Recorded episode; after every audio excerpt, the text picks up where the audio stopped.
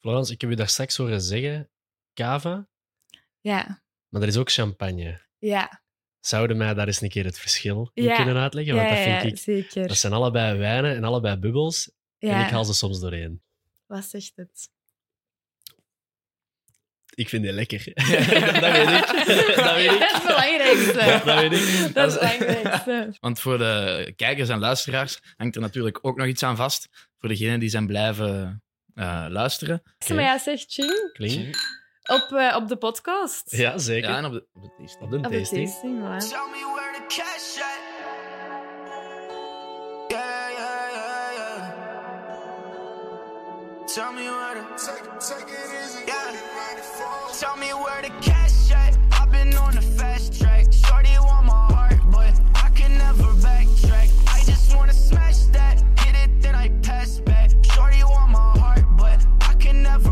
backtrack. This ain't nothing. Welkom bij de number one podcast voor businesses en entrepreneurs. Mijn naam is Jelle En ik ben Roald. en wij zijn Geronimo.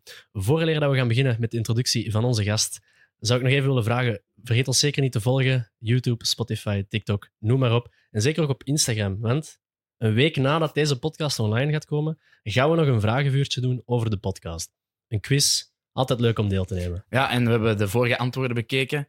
En eh, zelfs Mark Koeken had het juist. Ja. Dus, Over eh, wie was een bekende duivenmelker? Wat weet jij het nog? ja, eh, we vroegen ons af of dat hij nog met de duivensport bezig was. En hij zei dat het misschien wel mogelijk was. En het was, voor de duidelijkheid, het was Mike Tyson dat een professioneel duivenmelker was, dus niet Mark Koeken. dus ondanks dat heel veel mensen Mark Koeken hebben aangeduid, het was wel degelijk Mike Tyson. Yes. Maar wat, vertel. Ja, we zijn hier beland in het mooie Antwerpen. Ehm, en we hebben hier Florence bij ons, die haar eigen apro-bar heeft. En eh, we gaan eens zien hoe dat ze hiermee gestart is en, en wat het er allemaal bij komt kijken. En Ja. straks ook nog voor ons iets heel leuks in petto. Ja, En want- voor de kijkers en de luisteraars ook nog iets, maar daarover straks meer. ja, voilà. Ehm, Blijven kijken. dus welkom Florence. Eh, dankjewel, we zijn hier- dankjewel. Bedankt om mij uit te nodigen op jullie podcast. Geen probleem. En vertel eens, waar zijn wij terechtgekomen?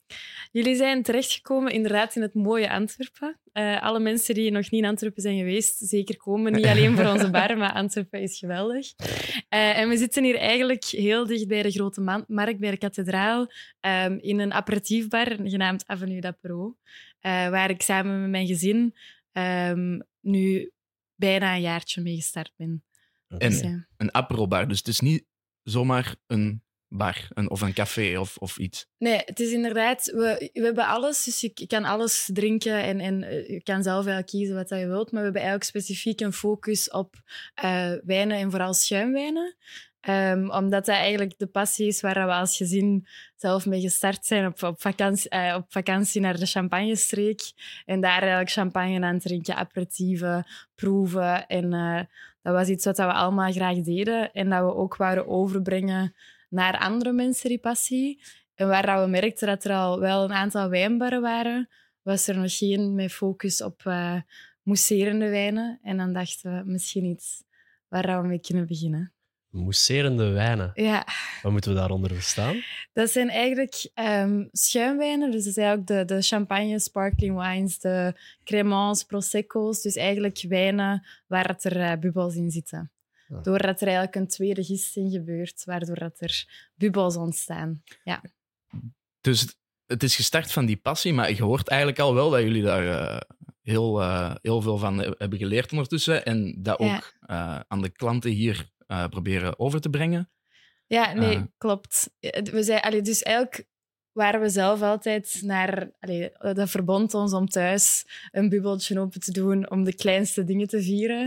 Eh, omdat we dat allemaal graag dronken, maakte niet uit hoe laat dat was. Ehm, en dan meer te, te leren achter hoe dat proces werkte, hoe dat de eh, wijnen gemaakt werden. En dat was toch iets waar dat we allemaal een passie voor hadden, omdat daar heel veel tijd in steekt. En ik vind als je zelf een, een bubbel drinkt, dat je daar niet altijd bij stilstaat hoeveel werk en tijd en bloed, zweet en tranen van andere mensen dat daar is ingekropen. En dat was iets dat we wel echt wouden overbrengen, ook via... eh, en daar, daar zullen we straks inderdaad meer over vertellen. Maar via eigenlijk een soort van tastingformule, waar dat we eigenlijk drie glaasjes geven van mousserende wijnen dat binnen een bepaald thema vallen of, of een, een gemeenschappelijke factor hebben, om dan eigenlijk zo zelf verschillen te kunnen proeven, omdat er een enorme variatie is aan eh, smaken en eh, verhalen. En, Mhm. Want dat ja. was mijn, mijn kleine bruggetje.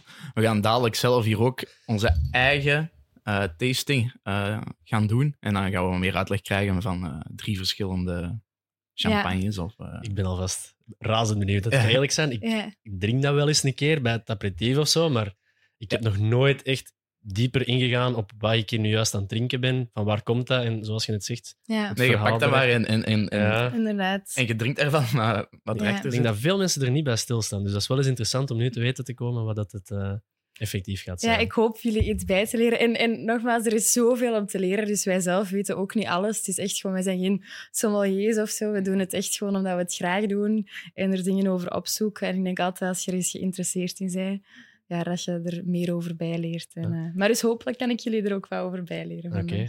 Een van de vragen die ik had, als jullie bijvoorbeeld een, een kaart hier hebben eh, in de bar, Ja. hebben jullie ook effectief elke champagne dat op de kaart staat al eens een keer gedronken? Ja, Dus dat moet je Ja. wel elke keer... eh, ja da- daarvoor, dat is natuurlijk het voordeel ook aan vergaderingen. Vergaderingen. Nee, ja, dus we hebben altijd wel... Want het, het ding is ook, we hebben eigenlijk onze persoonlijke favorieten uitgekozen en op de kaart gezet. Dus dat gaat van dat we eigenlijk zelf in de champagne-streek bijvoorbeeld, omdat dat ook het makkelijkste is om voor onszelf naartoe te gaan, ehm, dat we daar al zelf de, de gedronken hebben en ook de mensen ontmoet hebben die dat erachter staan. Omdat we ook graag ehm, willen focussen op wijnboeren die niet super bekend zijn. Dus niet de Laurent Perriers en Pommeries, maar eerder eigenlijk de kleinere boeren die minder inzetten op marketing, maar wel heel kwaliteitsvolle wijnen aanbieden. Eh, en het is eigenlijk zo dat we die zelf allemaal selecteren. Of we werken ook samen natuurlijk met ook importeurs die dan ook zelf hun favorieten voorstellen. Bijvoorbeeld, we hebben een paar wijnen die verdeeld worden door een sommelier die in Zilte gewerkt heeft. En dan geeft hij ook zijn tips, allee, als je ermee babbelt, naar wat we op zoek zijn, eh, om eigenlijk zo te selecteren en... eh, ja, ook onze favorieten zelf. Allee, er is voor ieders wat wils, maar we, we willen zelf zeker zijn dat het een goed product is. Voor En hoeveel staan er dan nu op de kaart? Ik denk dat is een goede vraag. Ehm, ik zou gokken rond de 30, zoiets momenteel. Maar we, we breiden stilaan uit. We zijn begonnen met een selectie ook van ehm degene dat we toen hadden. En bijvoorbeeld onlangs hebben we ook voor tastingformules merkten we dat we nog geen in termen klinken, maar blonde noir van champagne op de kaart hadden staan. Wat eigenlijk een champagne is dat gemaakt is van sap van donkere druiven. In de champagne-streek is er Chardonnay is een witte druif en zijn er twee donkere druiven, Pinot Noir en Pinot Meunier. En dat hadden we nog niet op de kaart staan en we merkten wel dat daar vraag naar was. Dat mensen zeiden die er iets van kenden, van ah, heb je geen blonde noir? En dan op die manier dan gaan we ook verder zien en wat opgezocht in België, welke ehm, verdelers dat daarmee werken en een aantal geproefd en dan weer de, de favoriet eruit gekozen en op de kaart gezet. En zo blijf Dus, je ja. eigenlijk mee evolueren Ja. dan ook en eh, je Ja. kaart uitbreiden. En, ah, Oké. Ja, dat, dat, is, dat is ook niet zomaar eh, kopen, op de kaart zetten en dan eh, zeggen van hier is het. Allee. Nee, zeker niet. Er komt, er, ook gewoon omdat je zeker wilt zijn dat je inderdaad iets aanbiedt dat in de smaak valt en, en dat kwaliteit biedt. Dus daar, daar komt inderdaad wel veel bij kijken om daar nog... En ook zeker, ja, dat zijn ook... veel van, van wijnen en zo is ook natuurlijk afhankelijk van hoeveel productie en zo dat er kan zijn. Dus we hebben er bijvoorbeeld ook al enkele gehad dat super hard in de smaak vielen, echt de toppers. Ehm, maar die dan eigenlijk out of stock zijn, omdat er ook zoveel vraag naar is en dat die ehm, heel snel uitverkocht zijn. Dan moeten we er jammer genoeg eh, op zoek gaan naar een even goede of een nog betere om te vervangen. Dus inderdaad, daar eh, steekt ook wel wat tijd in. Bijvoorbeeld als het bij kleinere wijnboeren is, dan kan het al eens zijn dat die stok snel opgeraakt. En dan, eh, Ja, Oké, ja.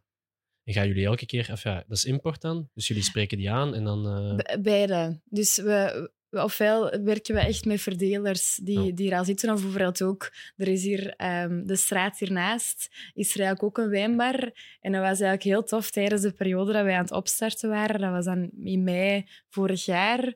Ehm, waren wij hier alles nog aan het afbreken en, en aan het opstarten. En dat was eigenlijk super toevallig, maar in de straat hierachter, langs de, de andere kant en op de suikerui, gingen er dat weekend of het weekend ervoor ook twee andere wijnbarren open.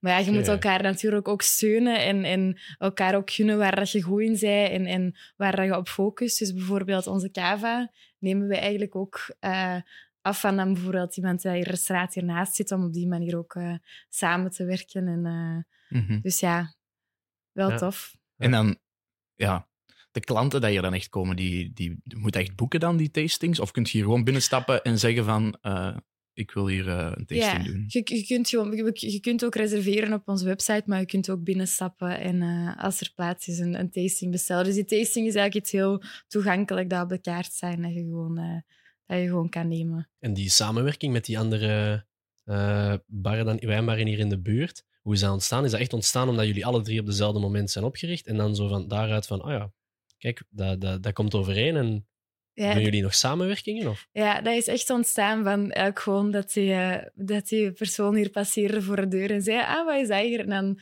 een leuke babbel mee gehad. Onze papa is eigenlijk ook heel grote fan van samenwerken en, en staat achter het idee dat je elkaar veel moet gunnen om allemaal samen beter te worden. Dus ook zo zijn we oorspronkelijk ook met het idee gestart dat we met zaken uit de buurt ook samenwerking konden aangaan om eigenlijk op die manier elkaar te steunen. Bijvoorbeeld ook nu hebben we een tijd geleden die nieuwe tastings gela- gelanceerd, maar ook het concept van een koffie en een taartje, waarbij dat we dan taartjes eh, geven van Momade. eh, vroeger was dat Momade Cupcakes. Die hebben hier ook een, een eh, winkel niet zo heel ver vandaan. En eigenlijk op die manier dat zetten we dan ook zeker op de kaart van Buy Momade, om zo elkaar ook wat te steunen en, en de kijker te zetten. Dat is, dat is heel eh, mooi dat je dat samen zo eh, ja, en samen in, in verder gaat. Mhm. Maar bieden jullie dan ook als apero eten? Ja, er zijn ook aperitiefhapjes van albondigas, calamares, nachos. Dus eigenlijk zo wat ap- eh, ja, apero-hapjes, een hummusdip. En om eigenlijk toch ook inderdaad eh, als aperitief, als je nog niet gegeten hebt en je denkt, ik ben weer al bubbels aan het drinken of, of andere dingen, dat je dan er ook iets bij kunt nemen om te Eh, eten. ja. Dus ja, Florence, ik heb je daar straks horen zeggen, cava, ja, maar er is ook champagne. ja. Zouden mij daar eens een keer het verschil in Ja. kunnen uitleggen? Ja, Want dat ja, vind ik... zeker. Dat zijn allebei wijnen en allebei bubbels. En ik haal ze soms doorheen. Ja, dat snap ik. Dat snap ik. En dat is ook het leuke, want eigenlijk de, de mensen die hier komen, sommigen komen echt al met een idee van die er heel veel van kennen en ook een passie hebben. En andere mensen hebben inderdaad al zoiets van, ja, ik drink het graag, maar eigenlijk ken ik de verschillen niet. En dan is dat ook al leuk om inderdaad dat mee te geven. Dus ja, ik ga het wel duidelijk proberen uitleggen, maar dus, eh, ja, er zijn eigenlijk heel veel verschillende regio's en eigenlijk overal ter wereld waar ze aan wijnproductie doen, maken ze ook soms schuimwijnen. Maar het is eigenlijk als je uit bepaalde regio's komt en aan kwaliteitsvoorwaarden en zo voldoet, dat je soms een bepaalde overkoepelende term kan krijgen ehm, om je schuimwijn te noemen, zoals bijvoorbeeld champagne. Dat is eigenlijk uit een bepaald gebied de champagnestreek, waar het er heel veel reglementering rond is. En je, de, de tweede gisting op fles doen, dat moet zo lang gerijpt zijn. Allee, daar zijn heel veel regels rond. En dan moet uit dat gebied komen en dan is het eigenlijk champagne. Maar, en en de, de reden dat champagne ook zo goed is en exclusief is, omdat de tweede gisting op de fles gebeurt. Maar eigenlijk zijn er heel veel andere streken waar ze die methode ook volgen en waar ze ook aan heel veel van die kwaliteitsnormen en zo voldoen. Waaronder Crémant is eigenlijk een... ehm, zijn verschillende delen in Frankrijk, waar eh, die dat ook de naam Crémant mogen nemen als overkoepelende naam. Of bijvoorbeeld Cava is dan eigenlijk de schuimwijn uit een bepaald gebied in Spanje. Prosecco komt dan uit het noorden van Italië. Franciacorta, die dat we ook zoiets gaan proeven, is eigenlijk, ligt eigenlijk net naast de Prosecco-streek. Ehm, en dat is ook eigenlijk, wordt dat de, de champagne van Italië genoemd, omdat dat ook supergoed is, supergoed gemaakt, heel kwaliteitsvol. Maar champagne heeft natuurlijk de grote naam van eh, Ja. champagne te zijn. Maar eigenlijk zijn er heel veel andere gebieden en, en streken eh, die, die daar ook aan, aan, aan, aan die kwaliteit voldoen en, en die daar ook heel goede schuimwijnen Dus- maken. als ik het correct begrepen heb, vooral de streek eigenlijk is Ja. waar het, het zijn naam dan eh, van krijgt. Ja, en dus de verschillen zitten natuurlijk ook in. Er worden andere druiven gebruikt, ehm, andere methoden voor sommige eh, schuimwijnen die geproduceerd worden. De regio is anders, het suikergehalte maakt de smaak. En elke regio heeft dan wel zo zijn specificiteiten. Ook naar druiven dat er bijvoorbeeld goed in die streek groeien. Ehm, dus op die manier komen er veel verschillen. Maar inderdaad, de, het is de regio waar eigenlijk de, de naam aan vasthangt. Dus in, eh, een, een goede om te onthouden is Champagne Cremant Frankrijk, Cava Spanje eh, en Franciacorta en Prosecco Italië. Als je die basis ja, hebt, dan ja, kun je ja, al wel eh, in de dan. rest van Antwerpen op de wereld. ja. Als ik me dat kan onthouden, dan... eh, Franciaco. Oké, ja. Ja, dan weet Ja, ik dan- ondertussen nog wat meer. Dan kun je niet gewoon eh, eigenlijk zelf iets verbouwen en dan dat champagne noemen. Nee, inderdaad, dat mag niet zomaar. Want er zijn bijvoorbeeld ook eh, al een, een, een aantal, en ook heel goede, we hebben er ook een paar op de kaart staan van België. Eh, of bijvoorbeeld in Engeland. Dus eigenlijk, er zijn ook heel veel andere streken waar er ook heel goede mousserende wijnen gemaakt worden. Maar bijvoorbeeld in België is er geen overkoepelende term van... Misschien moeten we dat eens Ja, uitvinden. Ah, wel. Iets exclusiever Ja, dan champagne voilà. misschien? Ja. Ja. Het is er nog niet, heb ik er- horen ja, zeggen. hè. inderdaad. Dus ik weet ook niet, want er zijn ook heel... Allee, je verschiet daar ook van hoeveel regels en zodat daar rond zijn. Want bijvoorbeeld in de Champagnestreek is er echt een comité dat bepaalt hoeveel druiven dat die elk jaar mogen plukken op basis van hoe dat dan de marktvraag is. Dus bijvoorbeeld, die hebben al een jaar gehad waarin dat ze een heel goede productie hadden, waar dat die eigenlijk volgens die regels gewoon de druiven moeten afknippen en op de grond laten liggen omdat er niet meer productie gemaakt mag worden. En eigenlijk andere jaren waarin dat hun oogst minder goed is. En dat ze eigenlijk zelfs niet, niet aan die eh, productie komen. Dus op die manier zijn daar ook heel veel regels et cetera, aan verbonden. Om, Mm. eh, Nee, dat is dan wel echt... Ja. Dat is jammer eigenlijk. Dat Ja. er Dat worden is- opgelegd. en om, vraag eh, en aanbod. En zo blijft En het exclusief. ja. En dat is wel, ja, dat is wel eh, waar wat zegt. Ja. ja, maar ja, dat is eh, soms wel, ik denk voor, voor dat je dat wilt exporteren dan, of je wilt dat verkopen, is dat soms wel lastig als je, als je er effectief dan wordt tegengehouden. Ja. Dus ondanks dat je een goed jaar hebt. Eh, En wat is uw favoriet? Of ja, van de verschillende streken? Ja, ik, ik ben zelf al het, het allee, dat klinkt zo, het best bekend met de Champagne-streek, omdat we daar al een paar uitstapjes naartoe hebben gedaan. Dat is ook ja, vanuit België heel toegankelijk om naar, naartoe te gaan. Eh, dus daar heb ik al de meeste soorten geproefd en ben ik zelf ook wel fan van. Maar waar ik eigenlijk wel verbaasd van, ben, is bijvoorbeeld Crémance. Omdat dat eigenlijk over een aantal streken in, in Frankrijk is, waar je... eh, dan, die dat zich Crémant mogen noemen en, en Crémants maken. En eigenlijk zijn die ook super kwaliteitsvol. En dat is ook leuk om te zien, want mensen die er echt iets van kennen, soms komen ook en vragen echt achter een goede Crémant of een goede Franciacorta. En ik vind dat altijd wel leuk om dan zo wat inderdaad meer underdogs of zo, dingen die minder bekend zijn, Ja. eh, die heel goed zijn. Dus ik denk dat mijn favoriete, hoe meer ik begin te proeven, is het eigenlijk zo wat naar, eh, naar andere dingen dan champagne aan het verschuiven. Maar Ja. dus ja. Oké, Zijn er zo nog andere drankjes, alcoholische drankjes, waar je echt van zegt van, ah, wel, dat kan ik nu ook drinken met een passie? Eh, Drinken ja. met een passie, dat klinkt zo... Ja, ja je Tasten met een ja, passie. proeven. Eh, ja, wel- nog wel. Allee, ik drink eigenlijk veel dingen. Um, eh, Aperol Spritz is denk ik mijn all-time Ah, ja, ja. favorite. Dat doet me ook altijd denken aan zo de laid back in het zonnetje op skivakantie of zo, dat je dan Ah, ja, Aperol ja, drinkt. ja, ja, Voor de rest, eh, espresso martini is iets waar ik de laatste Ah, tijd ook fan van ben. Espresso martini. Ja, dat is Ja. zo met een, Ja. met een boontje, met twee boontjes in. Inderdaad. Ja, ja, ja. Ja, Ik heb nog nooit gedronken. Ah, dat is, ik dat is echt wel lekker. Een Dus we hebben, we hebben tegenwoordig eigenlijk ook nu ehm, wat meer cocktails op de kaart zetten. Ook Negroni, Espresso Martini. Omdat daar opnieuw... Allee, we merken sinds dat we open zijn, we moeten zelf nog heel veel leren. We hebben eigenlijk ook geen horeca-ervaring. Dus we hebben maar naar voren gebracht wat dat wij zelf graag al dronken. Maar dan komt er toch wel nog vraag van, ah, heb je dat niet? Of we hebben ook Orval nu op de kaart gezet en ook Espresso Martini. En ik moet zeggen, daar, eh, daar ben ik ook wel fan van. Ja, eh, ja, ja, ja. ja. Ja, maar hoe houd je die balans dan tussen eh, inderdaad je, tastingconcept en niet gewoon een, een café te zijn? Ai, om het Zo, eh, nee, nee, nee, dat is eigenlijk een goede, vraag. Want ja, je hebt natuurlijk beide nodig. Want we, we willen die passie voor schuimwijnen overbrengen.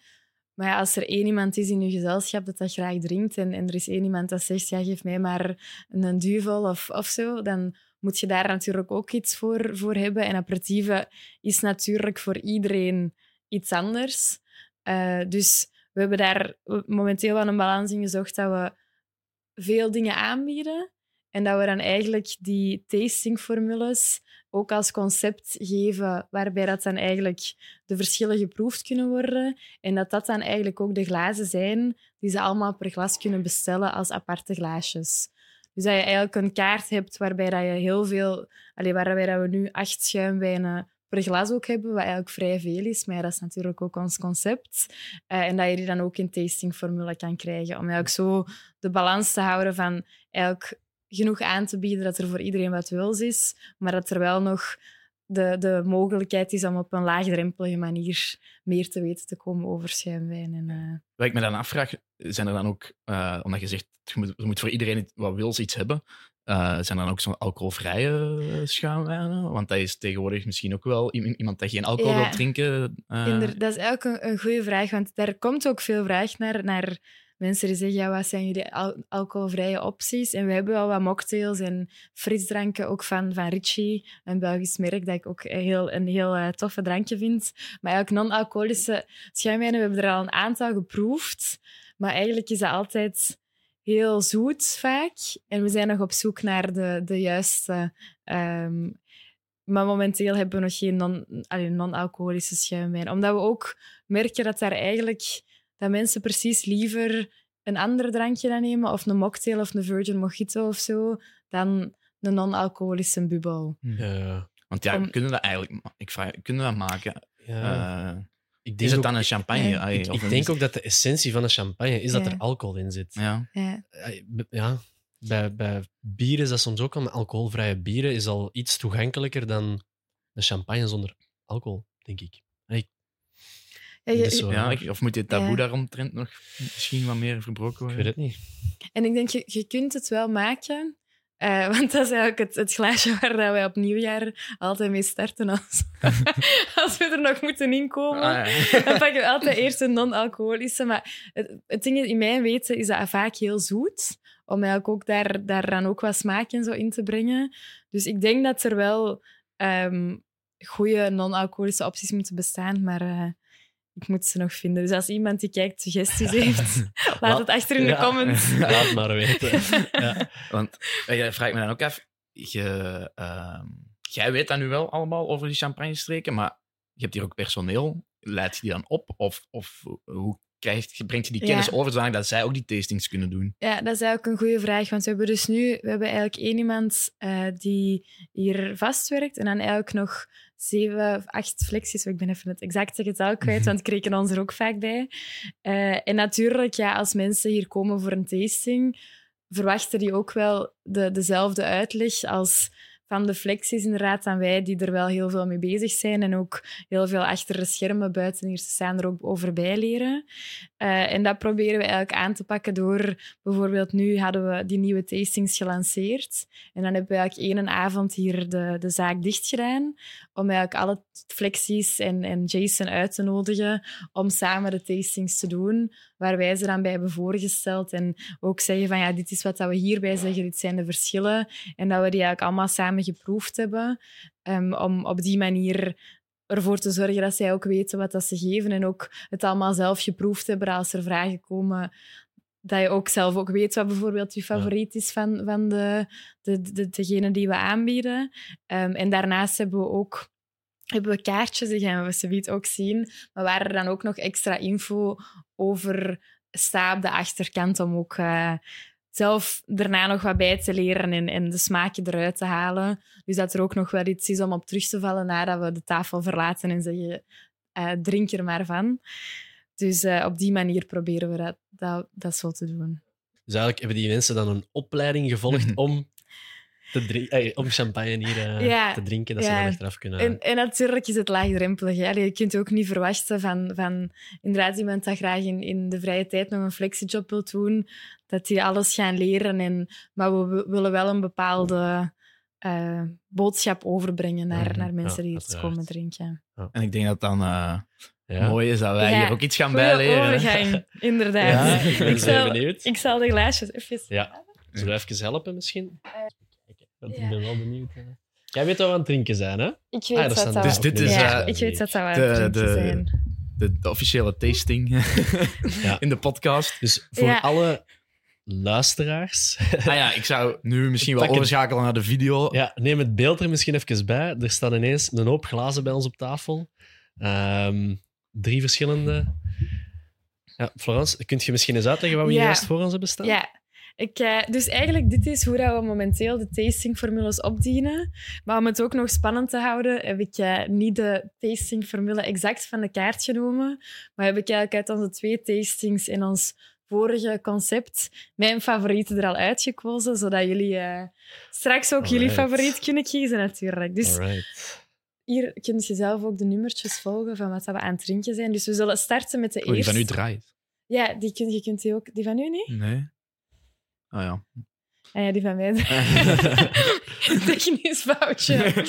papa heeft die ook zelf gemaakt, trouwens. Wie? Deze houders. Eh, ons papa, ja. Ah, zalig. ja, cool. dat is wel leuk, ja. Dat is cool. Ja. ja. Dus we waren eigenlijk eerst allemaal eh, verschillende modellen waar dat we uit moesten kiezen van wat het gemakkelijkste was. Dus je had een paar prototypes gemaakt, maar dit zet wel heel gemakkelijk op tafel.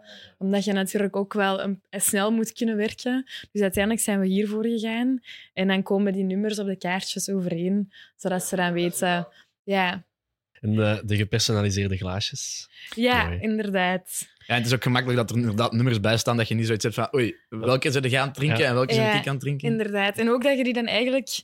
ehm, wat dat we ook merken, is dat mensen die eh, eerst allemaal afzonderlijk proeven en terugzetten, dat je natuurlijk kunt onthouden waar het staat. En eigenlijk dan beginnen aan één glaasje stuk voor stuk ook soms op te drinken. Omdat ze dan kiezen van, ah ja, ik ga met een deze starten. En, dus dat is natuurlijk ook wel leuk. Maar dus ja, ik zal eens vertellen wat dat we aan het drinken zijn. Dus als eerste hebben we een champagne van eh, Pierre Legras. En dat is eigenlijk, ja, dat is eh, inderdaad deze. Dus dat is eh, een van de oudste champagnehuizen uit de Champagnestreek momenteel. Momenteel is het de elfde generatie. En wat het er ook uniek aan is, is dat degene dat nu doet, Vincent Legras... Ja, ze zien het. Ja. Ja, Sorry. Ja? Eh, Vincent Legras is eigenlijk momenteel ook nog met achternaam Legras. Dus eigenlijk is het al van zoon op zoon altijd doorgegeven voor elf generaties. Wat ook wel echt heel uniek is.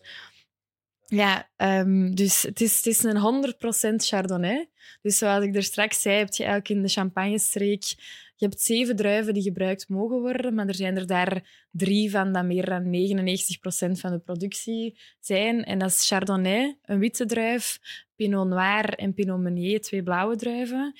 En eigenlijk algemeen voor alle schuimwijnen geldt het zo dat sap dat uit een witte druif komt, heet een Blanc de Blanc. En als het sap uit blauwe druiven enkel komt, heet het Blanc de Noir.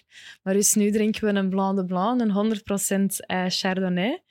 Eh, wat eigenlijk, Chardonnay geeft altijd veel frisheid aan de bubbel, waarbij dat Pinot Noir diepte geeft en Pinot Meunier fruitigheid. Maar dus deze is eigenlijk een hele frisse. Eh, zelf eigenlijk een van mijn favorieten, ook omdat Vincent Legras bijvoorbeeld is hier eigenlijk zelf zijn champagne komen leveren, omdat ja, ze weten dan ook dat ze hier op de kaart staan. En dan wou die het ook eens zien. En eigenlijk super aangename mens. Wat dan ook wel leuk is om weer op die manier Ja, die eh, samen band. te werken. Ja. Ja, inderdaad. Dat Want je weet dan ook echt welk gezin dat erachter zit en wie dat aan het doen is. Dus dat is dan ook altijd leuk om ja, op die manier weer samen te werken. En, eh, ja. en dan de tweede is eigenlijk de Franciacorta. Dus wat ik er net al zei, de champagne van Italië. Dus waarbij dat eigenlijk ook de tweede gisting eh, op fles gebeurt. Terwijl eigenlijk bijvoorbeeld Pro- Prosecco, wat ook uit Italië komt, daarbij gebeurt de gisting, de tweede gisting ook op tanks, waardoor dat die vaak iets goedkoper zijn ook, omdat dat minder werk is. Want waarbij dat, eh, zoals Franciacorta, champagne, gebeurt eigenlijk de twee- tweede gisting al op fles en moet dat dan nog maanden. Dat gaat tot bijvoorbeeld de, de Pierre Le Gras, die is meer dan 30 maanden dat hij nog gerijpt wordt in kelders. Dus zo, om, om maar aan te geven dat daar echt heel veel tijd in zit per fles, eh, om alles klaar te krijgen. Want na die tweede gisting moet dan ook nog de gist uit de fles natuurlijk. En dat is een heel proces. En dus Franciacorta wordt eh, ook op die manier gemaakt. Leuk weet je, blijkbaar is de vraag in Italië zelf al zo groot dat het ook niet altijd gemakkelijk is om Franciacorta te exporteren. Omdat dat, ja, natuurlijk zijn dat ook geen gigantische gebieden. Ehm, maar dus ja, dat is de Franciacorta. En we zullen, ik zal het snel voorstellen en kunnen we natuurlijk beginnen proeven. Ja. En dan als laatste hebben we de eh Premier Bull. Dat is eigenlijk eh, de, letterlijk de eerste bubbel. Omdat dat gemaakt wordt als een crémant. Dus dat wordt gemaakt in eh, Frankrijk, in het zuiden van Frankrijk, in, het, eh, in Limoux. En daarbij gaat de legende dat Dom Perignon, de, de man die champagne groot heeft gemaakt, heeft eigenlijk de manier om bubbels in wijn te krijgen ontdekt op bedevaart naar Santiago de Compostela. En heeft daar het dorpje Limoux gepasseerd. Eh, is daar blijven overnachten ook in het, de, de, de wijn, allee, in het huis waar ze daar, daar toen waren. Allee, we spreken hier echt over, het staat erop, 1531, waarbij dat een Oh eerste bubbel geproduceerd is. En dus wat Ja. later is hij daar gepasseerd, heeft de methode ontdekt en heeft dan in de Champagne-streek eh, ook op die manier beginnen produceren, de methode verfijnd en op die manier champagne groot gemaakt. Dus dat leek me ook een toffe om erin te steken. Alright. Ja. Al, uh, Dus ja, we zijn veel veel, informatie op veel ons af. verder. Voilà. Zie dat je het allemaal onthoud hebt, want straks Ja. onder vragen beginnen, ik kom alsjeblieft met een toets terug. Ja. Ja. Voor Maar dus ja, we zullen eens beginnen proeven. op de kaartjes staat ook een eh, Ja, kleurenpalet, geurpalet, smaakpalet. Oh. En eh, Ja. je kunt het nog combineren met ja. een hoop eh, dingen ook. Dat is zo Ja, interessant. en wat wel leuk is, wat we tegenwoordig ook proberen doen, is eh, zeker bij de... We hebben ook... Die Franciacorta komt uit de Italy Tasting. En daarbij zit er bijvoorbeeld ook een rosé in, waarbij dat je dan heel duidelijk verschillende soorten geuren en smaken ook nog weer al kunt testen. En dan staat dat er ook altijd op. En dan zeggen we van, ja, probeer elkaar eens te testen wat je eruit kunt halen. En dat is wel leuk om te zien, want sommige mensen zijn dan daarna echt van, oh, en we hadden het juist, en daar hadden we dat bij geproefd, en daar dat. En dat is wel leuk om te zien, want zo zie je dat, dat mensen het toch een leuk eh, concept vinden en er toch wel al wat dingen uit kunnen halen. Alright. Dus nummer één, hè, nu? Ja, Ja. nummer één. Ik zit erbij halen. Voilà. Dit was de Pierre Le Gras Brut, Ja, als ik het correct zeg. Ja, inderdaad. En brut is eigenlijk, dat geeft het eh, suikergehalte aan. Dus brut is eigenlijk van 6 tot 12 gram per liter. Ik ben hier met allemaal termen aan het gooien. Zoveel ken ik er eigenlijk ook niet van. Maar dus, eh, en dat wil zeggen ja, dat dat geen superzoete is. Dus eh, brut is eigenlijk wat van het laagste. Maar ja, zeg ching. Klinkt. Op, eh, op de podcast. Ja, zeker. Ja, en op de, op de tasting. Op de Op de tasting. tasting, voilà.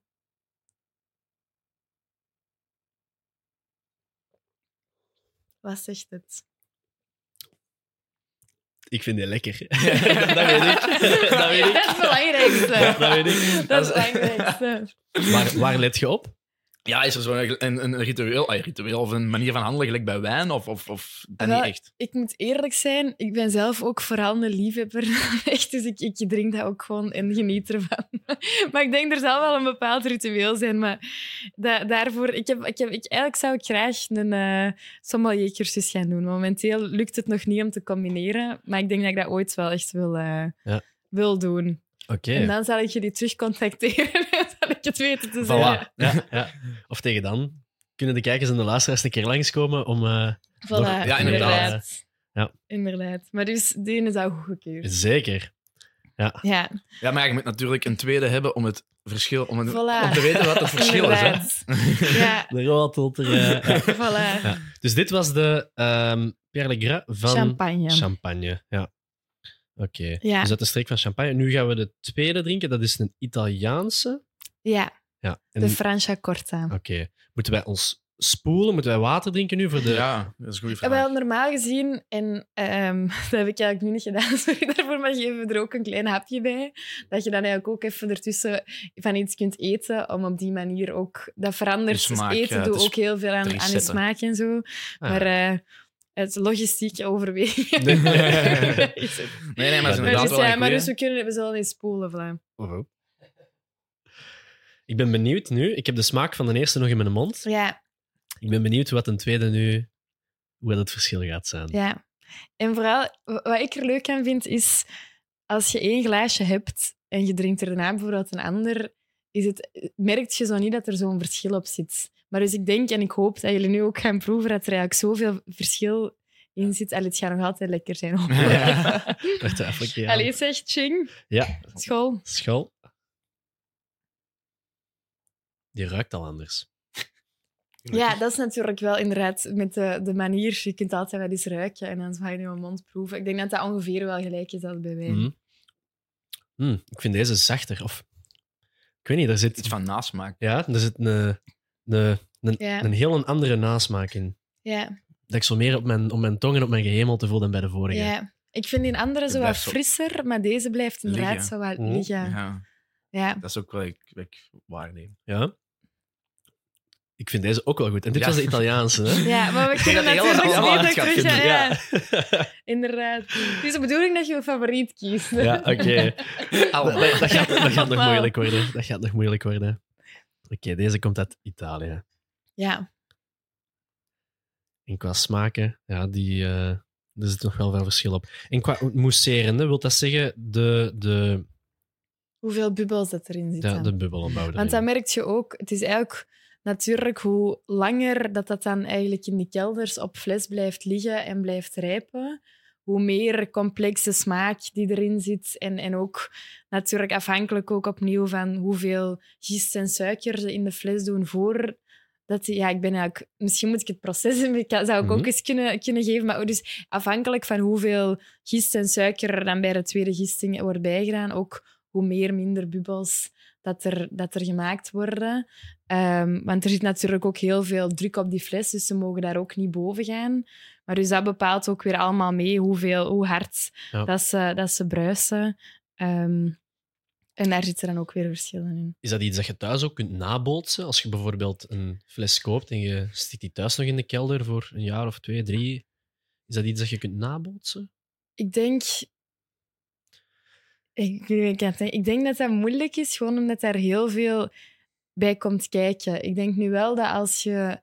ehm, ja, als je de procedure wat kent en je hebt natuurlijk je wijn en je kunt verder gaan, eventueel wel. Maar ik zou het eigenlijk niet durven zeggen, want er komt ook zoveel bij kijken. Bijvoorbeeld, de moment dat dan de gist eruit moet gehaald worden, is dat eigenlijk een heel proces van u... En ah, wacht, dat kan ik misschien eigenlijk wel laten zien als jullie willen. Dus eigenlijk is dit bijvoorbeeld een fles waarbij dat de gist er nog in zit. Ah ja, ik Ah, zie Dus ja. dat zie je hier.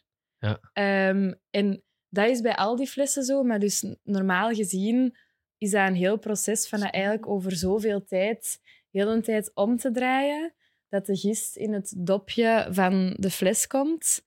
Eh, en dan wordt dat in een, heel koud allee, in een vloeistof gestoken, waardoor dat de bovenste, het de bovenste deel bevriest. En dan wordt die metalen stopper afgedaan, waardoor dat die een ijspropper uitvliegt.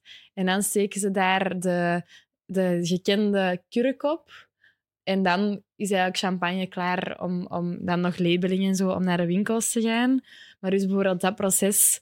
Je kunt dat thuis wel eens proberen, natuurlijk. Ja, ja, Ik weet niet hoeverre dat, dat mogelijk is. Ja. En Maar dus moet ja, je dat daar ook er, nog- Hoe serveert je dat? Want dat ziet er. Ey, als ik Ja. dat in mijn glas zie Dus- komen, dan dus- denk ik toch... Oei. Ja, inderdaad. Dus wat dat hier eigenlijk gedaan is, is dat de eerste gisting, waarbij dat, eh, dus eigenlijk uw suikers worden omgezet naar alcohol, is niet volledig afgemaakt. En dan hebben ze dat tijdens de gisting, doen ze dat dan al op een fles, waardoor dat eigenlijk, ja, als je dat afsluit van zuurstof, gaat eigenlijk je suiker omzetten in bubbels. Ja. En dat is eigenlijk waarom dat er dan hier in die Pétillant Naturel ook nog natuurlijk gezien eh, bubbels in zijn gekomen. Maar die gist is er dus eigenlijk niet uitgehaald. Vandaar ook het metalen dopje in plaats van de kurkenstop. Maar dus ja, als je die uitschiet, moet je heel voorzichtig... Allee, we laten die ook recht staan. Dat als je dan uitschiet, dat, ja, dat je niet iemand zijn glas vol gist schiet.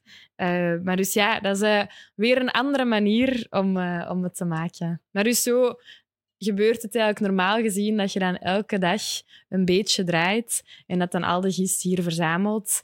En eh, ja, als je dat thuis eens wilt proberen, dan eh, kan heb- dat zeker. Dat is geen champagne is- met, ja. met een ijzeren dopje op, maar... Ja. Het, is, het, is, het is wel echt, er komt zoveel, zoveel bij kijken. Het is want blijkbaar gin. Misschien is dat een hobby dat je kunt doen, is super gemakkelijk om te maken. Blijkbaar. Allee, super gemakkelijk. Blijkbaar is dat niet overdreven moeilijk en kun je dat wel makkelijk. eh Eh, Geronimo Gin. Amai, dat zou het echt nog wel zijn. maar ja, dan moeten we met Duvel toch nog eens even... Ja, eh, ja, ja, inderdaad. Dat Ja, dat is wel nog leuk. Dat valt nog te bekijken. Inderdaad. Samenwerking. Eh, de derde heb ik hier achter mij zien staan. eh, de fles. Ja. Kunt je daar eens wat over uitleggen? Want de achterkant ziet er ook een beetje anders uit. ja, inderdaad. Dus eigenlijk komt het omdat dus de eerste dat we gedronken hebben, de champagne, komt uit onze huidige champagne-tasting. De Franciacorta komt uit de Italy-tasting. En deze was eigenlijk in ons vorige tastingconcept dat we anders aanpakten, eh, ook een optie. Maar dus vandaar dat kaartje er wat anders uitziet. Ehm, maar vond, ik vond het zo'n leuk verhaal dat ik dacht, we gaan hem vandaag ook eens proeven. Dus eh, ja, hierbij is het dan Dom Perignon die dat champagne groot heeft gemaakt. Eh, en de bekende uitspraak, ik proef de sterren. Om, vanaf dat hem dan van zijn champagne dronk, eh, dat hem zo verkocht was dat hem de sterren proefde in zijn glas. Ons papa zegt altijd, dat vind ik ook een goede uitspra- uitspraak, als hij ergens van drinkt. Dat is precies gelijk dat er een engel op haar tong pist. Voilà. Dat is eh, een mooie op zijn Antwerps. Dus bij de ja. deze, inderdaad. Oké. Ja, Eh, school zou ik zeggen. school. School. Hopelijk proeven we een engel. Wat dat is.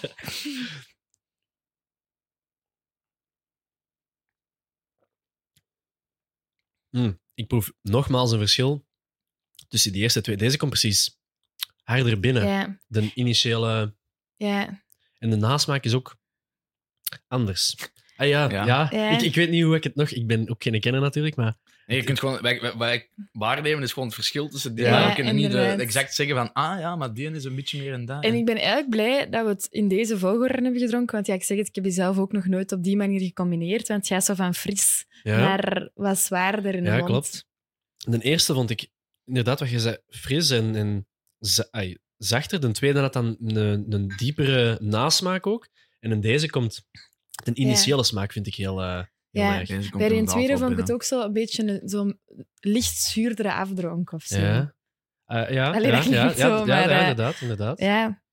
Maar dus ja, nu kunnen, we, nu kunnen we op ons gemak zelf eh, nog eens rondgaan Nog eens en nog eens proeven. Perfect. Dus kei leuk.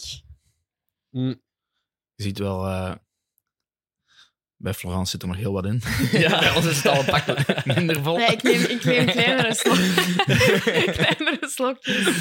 kleinere sm- slokjes voor de smaak, waarschijnlijk eh, goed te proeven. Of, eh, Ja, ik, ik denk het. Dat is misschien iets persoonlijk dat ik doe. Hmm. Maar ja, Oké, oké, oké. Het is, en ook, ik denk dat ik dat zo leuk vind om daar zo van te genieten, om het gemak te drinken, dat ik hier, ten, zo- ten opzichte van een pintje, dat kan ik ook al eens wat sneller Ja, drinken, ja, maar zo, ja. dit jaar is zo toch op het gemak en, en van genieten bij elke slok. Dus. Zeg, Florence, ik eh, zou dan toch ineens terug willen gaan naar het ondernemend aspect Ja. er juist van. En ondertussen kunnen we verder. En ondertussen Voilà. kunnen we inderdaad rustig genieten. Ehm, je hebt daar straks gezegd, we doen het met ons gezin. Dat klopt, jullie Ja. drinken eh, graag samen ehm, Ja. een drankje. Hoe hebben jullie dat dan praktisch allemaal aangepakt? Want we zitten hier natuurlijk in een mooie bar in Antwerpen. Ja. Ehm, hoe is dat allemaal zo in zijn werk gegaan in het begin? ja, dat is eigenlijk een, een goede vraag. Dus ja, het ding is, we hebben eigenlijk allemaal nog een, een fulltime job ernaast. Dus eigenlijk was dat niet per se het ding dat we naar iets op zoek waren om direct te starten. Maar hoe dat allemaal begonnen is, is dat mijn zus en ik hier ook in de straat woonden. Ehm, en het is een straat dat papa ook kent, omdat zijn beste vriend hier ook woont en zo. En er kwam een koffiehuis te koop, ehm, dat hier vroeger was. En hij dacht als, als investering, oh, lijkt me wel leuk om daar iets mee te doen. En dan al sneller achtergekomen dat het best was om toch te verbouwen. Elektriciteit, dat vrij oud was. Allee, Het is hier ook al een, huis van, ik ga het misschien fout zeggen, maar in 1500, 1600. Het is echt een heel oud gebouw. Dus we dachten van, oké, eh, als we toch gaan verbouwen, laten we er dan iets van maken dat we eigenlijk zelf met een passie doen en eigenlijk achter staan. En op die manier is eigenlijk heel geleidelijk het, het, tijdens de verbouwingen en zo ook het, het concept begonnen. En hebben we daar verder over nagedacht van hoe kunnen we dat aanpakken en de naam, je kunt je niet voorstellen hoeveel tijd het er in de naam zit.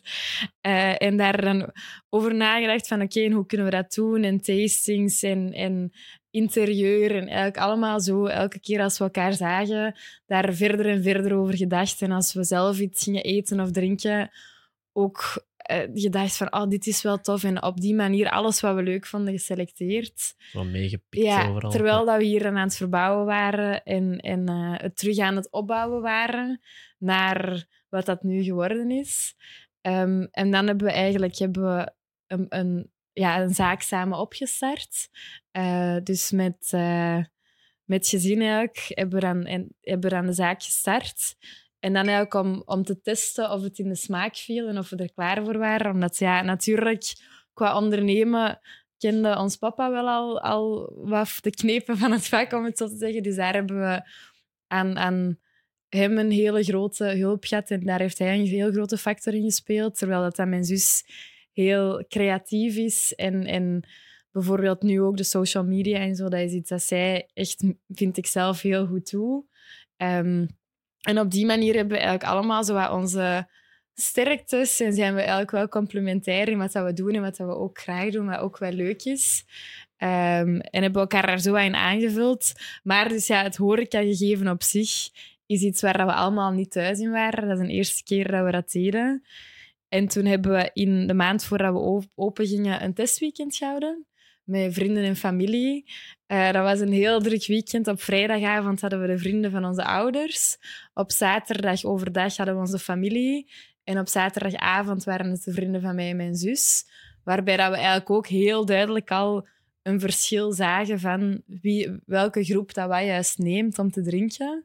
En Ja. dat was dan ook weer interessant, want ja, we, we, we zijn er voor een groot publiek, maar je moet natuurlijk ook wel wat je focus weten en welke doelgroep ehm, waar dat we dan op, op aanspreken. Dus dat was wel echt een heel interessant en tof weekend ook, want ja, we waren denk ik ondertussen al zeker een jaar aan het verbouwen en ermee bezig. En dat zijn ook allemaal mensen die ermee achter staan en nu supporten. Dus dat was wel leuk om dat dan ook te kunnen delen.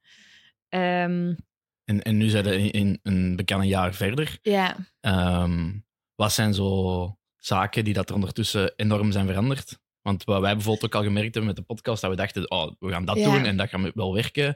Maar ja, als je uiteindelijk echt effectief bezig bent, merk je toch Ja. van, oei, die dingen moeten we toch anders aanpakken. Nee, zeker. En dat is een goede vraag. Ik denk eerst al op vlak van de kaart. Hebben we dus een tijd geleden een nieuwe kaart gedaan met nieuwe concepten. Ook meer erop, hapjes wat verfijnd. Naar de feedback en, en input dat we ook kregen. Dus dat is al een eerst grote ding dat veranderd is en waar we wel wat wijzigingen op hebben gedaan.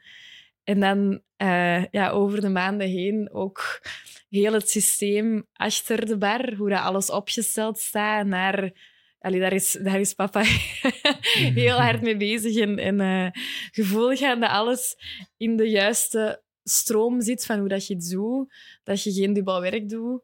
Dat bijvoorbeeld ja, flessen, lege flessen, wat dat je hier dan wel ook veel hebt, direct in een zak zitten, eh, dat dat makkelijk mee te nemen is. Of dat alles op de juiste manier staat, zodat je niet naar daar ja. moet en terug moet. Inderdaad, workflows. Ehm, en ook bijvoorbeeld gewoon het hele technische gegeven. Allee, ons kassasysteem, we zijn nu ook met reservatiesysteem ehm, begonnen sinds een, een, ik denk nu een maand ongeveer geleden, waar het dan ook cadeaubonnen digitaal kunnen zijn. En op die manier hebben we wel echt al veel nieuwe dingen dat, dat we ge- geïmplementeerd hebben. Ehm, ook doorheen de tijd wat beginnen focussen op evenementen, zoals verjaardagen of trouwfeesten. We zitten hier ook niet ver van het stadhuis. Zo, die dingen merken we gewoon terwijl we bezig zijn wat het er allemaal mogelijk is en hoe dat we dat beter kunnen doen. Eh, en dat is ook wel ja, leuk. Dus er is wel echt al veel veranderd voor het positief. En er is ook nog veel dat gaat veranderen. Eh, maar zo, natuurlijk, ja, zo groeit het ook en wordt het ook beter. Dus. Wat mij vooral opvalt, en ik heb dat daar straks in de auto tegen Roald ook gezegd, tijdens onze live, ehm, was dat als je vandaag de dag op zoek gaat naar een restaurantje of een, een barke voor iets te gaan drinken in een stad, dat mensen heel vaak grijpen naar Instagram. Ja. als hun eerste dingen van ah, wat, kan ik hier, wat kan ik hier gaan drinken. En ik denk dat sociale media daar ook toch een heel groot Ja, deel van is. Want we hebben daar straks jullie Instagram-pagina eens bekeken. Jullie hebben ook een website. ja, Maar jullie hebben toch ook al een mooi aantal volgers ehm, op, op een, ja, een jaar tijd. Ehm, ik denk dat die mensen toch ook zeer veel informatie te verteren krijgen vanuit jullie dan. ja. Dat jullie online zetten van... Of, of samenwerkingen dat jullie doen, of als jullie Ja. een nieuwe champagne. Ik denk dat dat wel echt een manier is om veel informatie over te brengen aan jullie, aan jullie publiek. Ja, en jullie gewoon be- al- algemene bekendheid binnen Antwerpen. Ja. Hè, want ja, Ja, je zit hier wel eigenlijk in een, in een zijstraatje. Je zit hier niet, bij wijze van Nee. spreken, vol op de markt. Dus dat is misschien qua publiciteit ook wel Ja. interessant. Hoe, hoe in- springen in- jullie daarmee om? Ja, en dat is eigenlijk dat is ook iets, om op de eerste vraag terug te gaan, iets dat we echt over tijd geleerd hebben. Want in het begin zetten we nog niet superveel in op marketing. Allee, we hadden wel die Instagram en zo, maar dat waren dan vooral ook vrienden en familie die het al volgden. En dat hebben we door in de tijd inderdaad ook gemerkt hoe belangrijk dat, dat is. Want ja, mensen kunnen niks komen drinken als ze het niet kennen of dat niet weten dat er is. En zoals het is ook in een zijstraat, dus je moet echt weten van, ah ja, het is er. Ehm, en hoe dat we daar nu op aan het inspringen zijn, is bijvoorbeeld een tijd geleden hebben we ehm, is Hungry Antwerp eh, langsgekomen. Dat is een foodblogster. Eh, ik denk momenteel de grootste van eh, België. Super tof. Er was met twee vriendinnen gekomen. Ik heb me echt kosten, echt super hard geamuseerd. Ja. Was super gezellig, want dat is ook ja, dat is een meisje, denk ik ongeveer even oud als mij, die dat, dat ook doet omdat ze een passie heeft van ergens te gaan eten en leuke plekjes in de kijker te zetten. En bijvoorbeeld door dat te doen hebben we gemerkt dat we denk ik zelfs 200 volgers bij hebben gekregen, wat toch wel op het bereik dat we momenteel hebben wel groot is. Want ja, als mensen dan komen en die, het is heel veel mond-op-mond reclame natuurlijk ook. Dus we merken dat zo'n dingen wel veel doen om eigenlijk, ja, hoe noemen ze dat tegenwoordig? Kruisbestuiving. Dat je dan Ja. elkaars volgers wat, wat elkaar leert kennen. En dat was bijvoorbeeld een hele goeie. Of we hebben binnenkort eh, dat we met eh, Jurgen Likops ehm, eh, gaan we een evenement doen waarbij dat eigenlijk Bar Burbuur, een van de, de beste bar van, wat was het, België, denk ik, eh, dat die eigenlijk champagnecocktails komen maken hier in de bar. Dus eigenlijk een beetje een cocktail takeover bij Ba- Bar Burbuur hier dan. En op die manier zijn dat ook weer klanten van Bar Burbuur dat hier komen of klanten van ons dat hun leren kennen. En we merken, ja, dat zijn dan altijd dingen dat je op Instagram ook kan delen op twee profielen. En zo merken we echt dat er wel veel ehm, ja, volgers bij komen of mensen die het kennen. Ehm, dus ja, ik denk Instagram en de waarde van social media is echt niet te onderschatten. En dat hebben we, dat zijn, dat hebben we gaandeweg ook zeker zelf ondervonden. Ehm, Ja, want doen jullie dat, ik, ik was aan het kijken, doen jullie dat nu bewust eh, op jullie feed? Dat er nu eerst eentje met informatie komt Ja. en dan twee eh, sfeerbeelden, zodat je Ja. feed zo mooi... eh, Grote shout-out naar mijn zus Ah, hiervoor, want ik, ik ben, zij is echt de so- social media expert. En het leuke is, en dat vind ik ook het leuke aan hoe dat we dit doen, ja, die heeft ook nog een fulltime job. Dus het moment dat die post zet, is ochtends uit haar bed of net voor het werk. En, en zien dat er op voorhand genoeg foto's inderdaad zijn om alles te doen en dat alles klaar staat. Eh, waar je toch ook wel mee bezig bent. En ook inderdaad een bewuste keuze nu van altijd die informatie en die foto's. Dus we merken ook, ja, soms moet je informatie geven, maar heb je eigenlijk nog geen foto's gezet. En dus daar leren we ook in hoe dat je best dat op voorhand allemaal plant en, en klaarzet. Uh, maar ik denk ook, ja, in het begin waren we wat meer chaotischer, om het zo te zeggen. En dan hebben we ook weer van vrienden en familie de feedback gekregen van het is eigenlijk nog niet heel duidelijk op jullie social media wat dat eigenlijk jullie concept is en wat dat jullie doen. En daar dan weer over nagedacht. Gedacht, hoe kunnen we dat best structureren dat het wel duidelijk is. En ja, op die manier denk ik nu dat het inderdaad wel een heel mooie pagina is. Uh, als ik dat zelf mag zeggen. Allee, Ja, we zijn er ook zeker. wel trots op. Zeker. Um, dus ja, maar dus daar een, uh, veel, veel aan uh, aanstelling te danken. Dus. Ja. Ja, ik vind wel dat echt zo, inderdaad, dat familieaspectje, dat vind ik ook wel tof. Dat echt gewoon de zus en de Ja. papa, en we, we zijn erin gevlogen. En, en, Ja. eh, Dat is ook uitzonderlijk, denk ik. Ik denk niet dat dat veel... Dat gebeurt wel, maar zo echt familie met heel het gezin erbij, dat is uh, ja. zo uitzonderlijk. Ja. Inderdaad, dat, ja. Ook nog even om terug te komen op de setting. Ik denk dat dit ook wel een van onze... eh, Zeker met deze muur hier achter mij. En dan, allee, ja, de kijkers zien het nu niet, maar de gans daar ook nog, de toog, dat is hier wel Ja. echt een, eh, een heel mooie plaats om eens een keer iets te komen drinken ook. Hè. Dus eh, ja. Dankjewel. Ja, en nu moeten we toch ook gaan beslissen welke Ja, onze favoriet is. Want dat mogen we absoluut niet vergeten. Want voor de kijkers en luisteraars hangt er natuurlijk ook nog iets aan vast. Voor degenen die zijn blijven eh, luisteren. Dus eh, ik kijk naar Jelle om eh eens te, te polsen wat zijn favoriet is. Of wat hij toch... eh, Ik heb de, lang getwijfeld tussen de 3 en de 1. De, als ik het niet correct uitspreek, moeten verbeteren. doe maar, doe maar. Eh, ja, de nummertje 1 was de Premier Bull. Yes. En de ene was Pierre Legras Brut.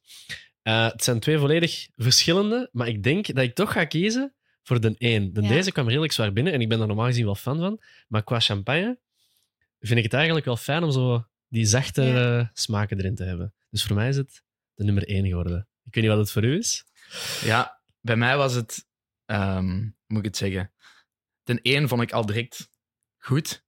En Goed dan, gestart. ja, en ik dacht van, gaan die, andere, gaan die andere twee ook even goed zijn? Maar inderdaad, dat brutere binnenkomen, dat vind ik soms over, overvallend Ja. of zo. Ja. En eh, daarom dat ik blij ben dat jij één hebt gekozen, want bij mij is dat ook Mhm. mijn favoriet geworden.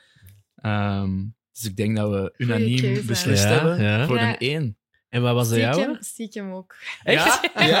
Ja. ja, ik vind, zoals gezegd, dat, dat drinkt gewoon heel Ja, zacht en gemakkelijk. En ja, ja perfect voor iemand dat er misschien eens in wil ey, vliegen Ja. of, of zijn kennis zou wil uitbreiden om eh, er ook mee aan de slag te gaan. Hè. Pierre Legras. En dat was een dus ja, champagne dat van, was een champagne. Ja, van, van, eh, ja, ja, van Frankrijk. Hè. inderdaad. Alright. Maar wat houdt Een van de oudste champagnehuizen. En Vincent Legras gaat er blij mee zijn.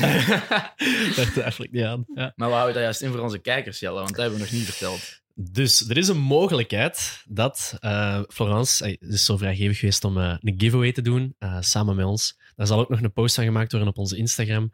Uh, wat je moet doen, is uh, drie vrienden taggen, de post delen op jullie verhaal. En dan maken jullie dus kans om zo'n fles te winnen. Onze favoriet, de Ja. Pierre Legras. Ja. Ja, Dus Ja. na de podcast hou de socials in de gaten ehm, en dan eh, meedoen met de wedstrijd. En dan kun je deze lekkere champagnefles Ja. winnen. Zeker de moeite. Ja. Ja. jullie kunnen hem nu niet proeven, maar ja, hij het is is, uh, is Nee. echt... uh, Het is wel echt goed. Ja. En moest je eh, het zien zitten, dan kunnen de anderen altijd hier ook Ja. nog komen proeven, Zeker. natuurlijk. Jij ik ga ook nog eens een keer terugkomen, want ik wil oprecht... Ik, ik ben er oprecht in geïnteresseerd. Ik vind het super interessant en uh, ik ben benieuwd om nog meer smaken te ontdekken. Ja. leuk. Eh, Dus Flor- Florence, merci voor eh, ons hier uit te nodigen. Ja. En ehm we hebben al sinds heel wat informatie gekregen over Ja. de champagne. En eh, we hebben er heel wat uit geleerd. En ehm, Superleuk. Voor alle kijkers en luisteraars, vergeet ons zeker niet te volgen. Geronimo, ga ook zeker eens een keer kijken. Ehm, website, Instagram, Ja. Avenue d'Apro. Avenue .com. of, overal te vinden. Overal of te op vinden. Instagram, inderdaad. Eh, inderdaad. we zullen ze ook taggen, website Ja. en de link. Je zult ze overal wel terugvinden. En dan, Ja. eh, Ja, En doe mee met de wedstrijd. En dan eh kun je de Pierre Legras fles winnen. Zeker. voilà. Bedankt voor het gezellig. kijken. Bedankt voor het luisteren, Frans. Jij ook bedankt. Jullie bedankt. En tot de volgende. Tot de volgende. Salut. Salutjes. Jo.